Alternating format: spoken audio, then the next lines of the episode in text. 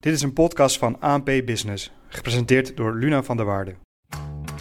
Het is hoog tijd om na te denken over een nieuw zorgstelsel, zegt Wouter Bos, bestuursvoorzitter van Mensis, tegen de Volkskrant. Volgens hem is het zorgstelsel ontworpen voor overvloed, terwijl er nu schaarste is. Ik spreek hierover door met Aad de Groot van DSW Zorgverzekeraar. Wil je jezelf kort voorstellen? Ik ben Aad Groot, ik ben directeur van eh, DSV Zorgverzekeraar. En vind je ook dat het tijd wordt uh, voor een nieuw zorgstelsel? Nou, ik vind zeker dat het tijd wordt uh, om heel kritisch te kijken naar ons zorgstelsel. Um, of het nou naar een heel nieuw zorgstelsel moet, daar twijfel ik wel aan. Want als je naar een heel nieuw zorgstelsel gaat, dan gaat, daar, gaat dat betekenen dat er heel veel tijd en energie in gestoken moet worden. En dat, ik denk dat we die tijd en energie niet hebben om daar heel, om daar heel lang over te doen. Maar dat, er, uh, dat het zorgstelsel, het huidige stelsel, uh, zijn uiterste houdbaarheidsdatum heeft bereikt, daar ben ik het helemaal mee eens. En ik denk dat, dat we veel meer publieke elementen moeten toevoegen aan het stelsel, wat, uh, wat, wat maakt dat het karakter van ons zorgstelsel wel moet gaan veranderen. Ja, en wat bedoel je dan met publieke elementen? Nou, dat we veel meer uh, die marktwerking uit het, uit het systeem moeten halen. En die moeten, uh, daar moeten we samenwerking voor in de plaats stellen. En ik bedoel er ook mee dat we dat uh, zowel aan de contracteringskant doen, als aan de bekostiging van de zorg, als aan de verzekeringskant van de zorg. En als je dan kijkt naar wat Wouter Bos zei in het uh, interview, ik citeer, het zorgstelsel is ontworpen voor overvloed, terwijl er nu schaarste is. kijk je daar ook zo naar? Ja, zeker. Kijk, kijk ons systeem is gebaseerd op een privaat systeem waar marktwerking het leidend principe is. En marktwerking werkt heel goed als er keuzevrijheid is, als er voldoende keuze is. En de schaarste zorgt er nu voor dat we niet meer voldoende keuze hebben en dat die keuzevrijheid ook beperkt wordt. Dus dan moet je ook nadenken over een ander principe en een ander mechanisme. En voor mij is dat het mechanisme van samenwerken.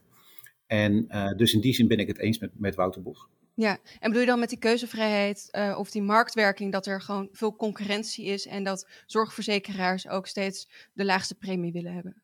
Ja, dat bedoel ik er zeker mee. Kijk, als je naar de verzekeringskant kijkt, dan zie je ook dat zorgverzekeraars allerlei trucjes verzinnen om zoveel mogelijk goedkope, winstgevende verzekerden aan zich te binden. Dat doen ze door budgetpolissen te hanteren, dat doen ze door uh, hele hoge kortingen op vrijwillig eigen risico te hanteren. Dat doen ze ook door beperkte dienstverleningsconcepten te bieden. Hè. Dus alles online, dan weet je zeker dat je uh, wat oudere uh, verzekerden niet, niet aan je bindt. En daarmee uh, ondermijnen zorgverzekeraars uh, de solidariteit. En eigenlijk ondermijnen ze daarmee uh, ook het stelsel, want solidariteit is het basis van het stelsel. Dus ik vind dat aan die, zorgverzeker, aan die verzekeringskant zorgverzekeraars zelf een beetje boter op hun hoofd hebben. Als het gaat om ondermijning van de solidariteit en als het gaat om de, de continuïteit van ons stelsel. Nou, wij als DSW doen daar echt niet aan mee. Wij gaan geen onderscheid maken tussen oude, jonge, uh, dure of goedkope verzekerden. Bij ons, uh, bij ons, uh, wij willen gewoon één polis bieden voor iedereen, omdat wij denken dat dat de basis van het stelsel is. Ja, en als we dan kijken naar die solidariteit, want Wouter Bos heeft daar ook iets over gezegd in het interview, namelijk we hebben een stelsel waarin jong betaalt voor oud, gezond voor ziek, rijk voor arm als de kosten daarvan uit de hand lopen, gaat solidariteit op een gegeven moment kapot. Is dat ook wat jij ongeveer bedoelt met die solidariteit? Nou, dat is ook wat ik bedoel. Maar ik bedoel dan niet alleen dat je gaat kijken naar, uh, de, naar de verzekeraar die de, die de goedkoopste premie in de markt zet.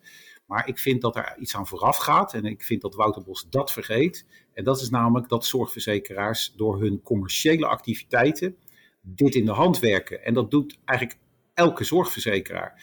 Dus het is, de, de, de goedkope premie is eigenlijk een uitvloeisel van commercieel gedrag, van trucjes die verzekeraars uithalen. En ik vind dat we daar iets aan moeten doen.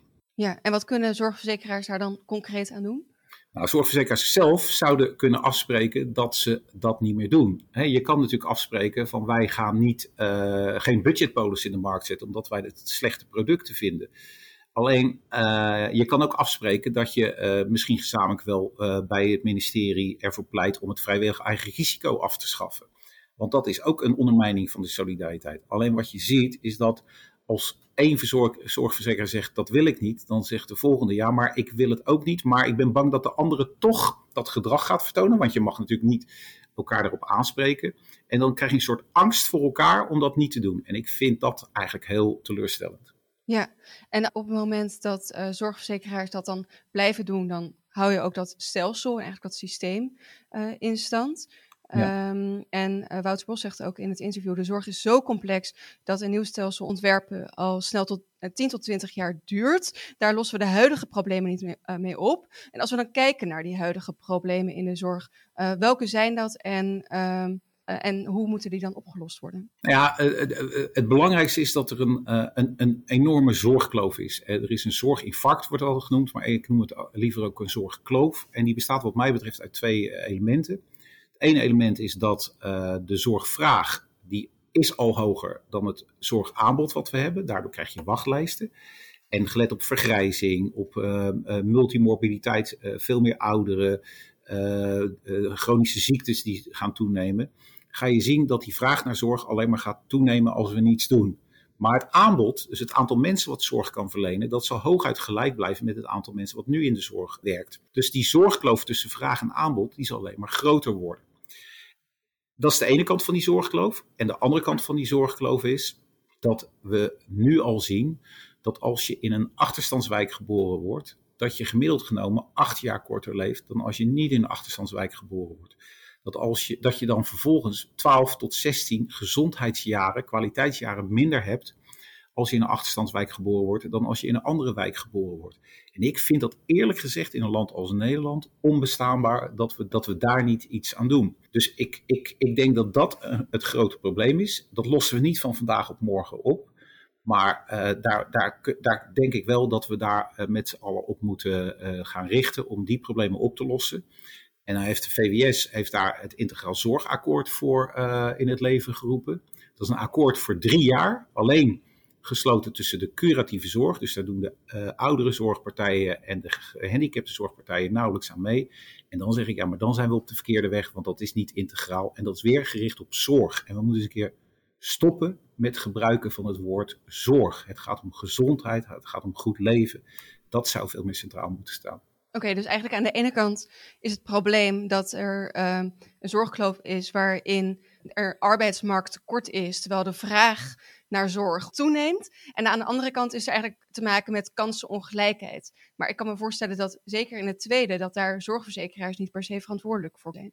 Je, kan je hoeft er niet voor verantwoordelijk te zijn om er wel wat aan te kunnen doen. En, uh, en ik vind dat wij als zorgverzekeraars een hele goede rol zouden kunnen spelen om, om die kloof in ieder geval te gaan dichten. En dat betekent dat je als zorgverzekeraar, en dan kom ik weer, komen we eigenlijk weer terug waar we mee begonnen, namelijk veel meer samenwerken in plaats van concurreren. Dat je moet samenwerken met partijen in de regio, gemeenten, uh, ziekenhuizen, huisartsen, ouderenzorg, maar ook woningcorporaties, scholen. Dat we die partijen aan elkaar moeten binden en dat die, we met die partijen gezamenlijk die verantwoordelijkheid moeten nemen om die problemen op te lossen. En dat kan je niet doen door alleen vanuit zorg te denken, maar dat moet, kan je juist doen door te kijken naar de leefomgeving van de burger. Hoe kunnen we nou zorgen dat die burger een prettig, gezond en betekenisvol leven heeft? Hoe kan je zorgen dat die kansgelijkheid vergroot wordt, dat die bestaanszekerheid vergroot wordt?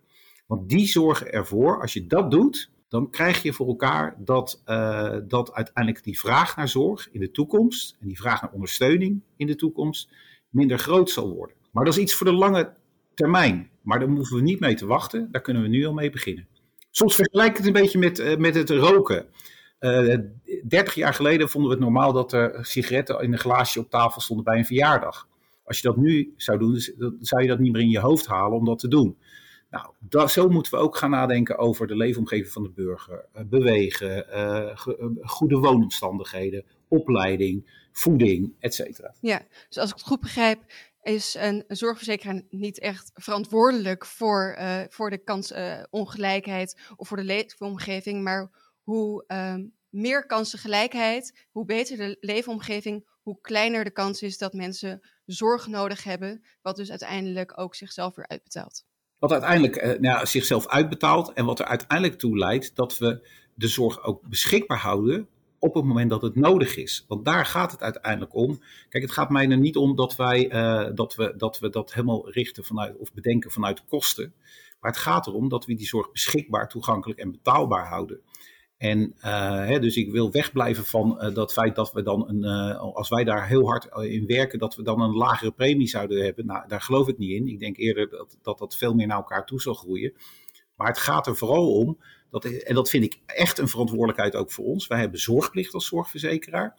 En die verantwoordelijkheid hebben wij wel. Dus dan vind ik ook dat we de verantwoordelijkheid moeten nemen om die zorg ook in de toekomst toegankelijk en beschikbaar te houden. We hebben de afgelopen week heel veel publiciteit gehad over huisartspraktijken die dicht uh, gedaan zijn omdat het commerciële praktijken zijn. Ja, wij hebben ook zo'n praktijk hier in de regio en wij, wij gaan geld terugvorderen. En wij hebben overwogen om het contract op te zeggen met die partij, omdat het niet helpt voor de beschikbaarheid en de toegang tot de zorg. En ik denk dat we daar veel meer naar moeten kijken. Ja, en als we dan uh, kijken naar wat jullie verder doen, wat doet DSW eigenlijk anders dan andere zorgverzekeraars? Als je nu zegt wat er allemaal mis is binnen de uh, verzekeraars en het zorgstelsel. Wat we vooral doen is, is ons steeds meer op de regio richten. Dus dat betekent dat we hier een regionaal integraal gezondheidsakkoord hebben gesloten uh, met, met, met bijna 40 partijen waarin we specifiek hebben gekeken naar hoe gaan we die ouderenzorg anders organiseren. Dus we hebben hier een, een, een, een, regionaal zorgcoördinatiecentrum. We hebben hier een multi, multidisciplinair team ouderen. We zijn bezig met sociale benadering dementie. Ook overigens initiatieven die ook wel elders in Nederland plaatsvinden hoor. Dus daar zijn we niet uniek in. Maar waar we denk ik wel uniek in zijn, is dat we het vanuit onze kernregio het vertrouwen hebben en over ons eigen belang heen willen stappen om het ook vanuit die kernregio te organiseren. En dat werkt denk ik heel goed. En dat is denk ik aan, die kant. En verder zijn we veel meer bezig, denk ik, dan andere partijen, uh, om naar andere manieren van bekostigen te kijken. En wat bedoel ik daarmee? Uh, de hele zorg is eigenlijk ingericht dat de bekostiging op productie is ingericht. Dus hoe meer je doet, hoe meer je betaald krijgt. Nou, wij hebben hier in de regio bijvoorbeeld de huisartsen gewoon op een vast bedrag op basis van zorgzwaarte bekostigd. Dat betekent dat een huisarts zelf kan kijken, uh, ga ik meer tijd aan die patiënt besteden? Ga ik minder tijd aan die patiënt besteden? Ga ik een e-consult doen, een fysiek consult of een telefonisch consult? Uh, de, dat maakt dan niet uit in zijn inkomen wat die huisarts heeft. En dat, dat, dat, proberen wij nu op verschillende onderdelen hier in de regio te doen. Omdat wat mij betreft, als het gaat om chronische zorg, als het gaat om acute zorg, als het gaat om dit soort zorg, die hele bekostiging, en dat is ook een van de elementen waarvan ik denk dat het stelsel kan veranderen, veel meer daarnaar uh, gevormd moet worden dan naar zoveel mogelijk productie draaien. En dat stimuleren wij hier, denk ik, als geen ander in de regio. Oké, okay, duidelijk. Aad Groot van DSW Zorgverzekeraar. Dankjewel. Graag gedaan. Dit was een podcast van ANP Expert Support, in dienst van ANP Business. Deze expert staat in de bronnenbank van ANP. Zie ook anp.nl/experts.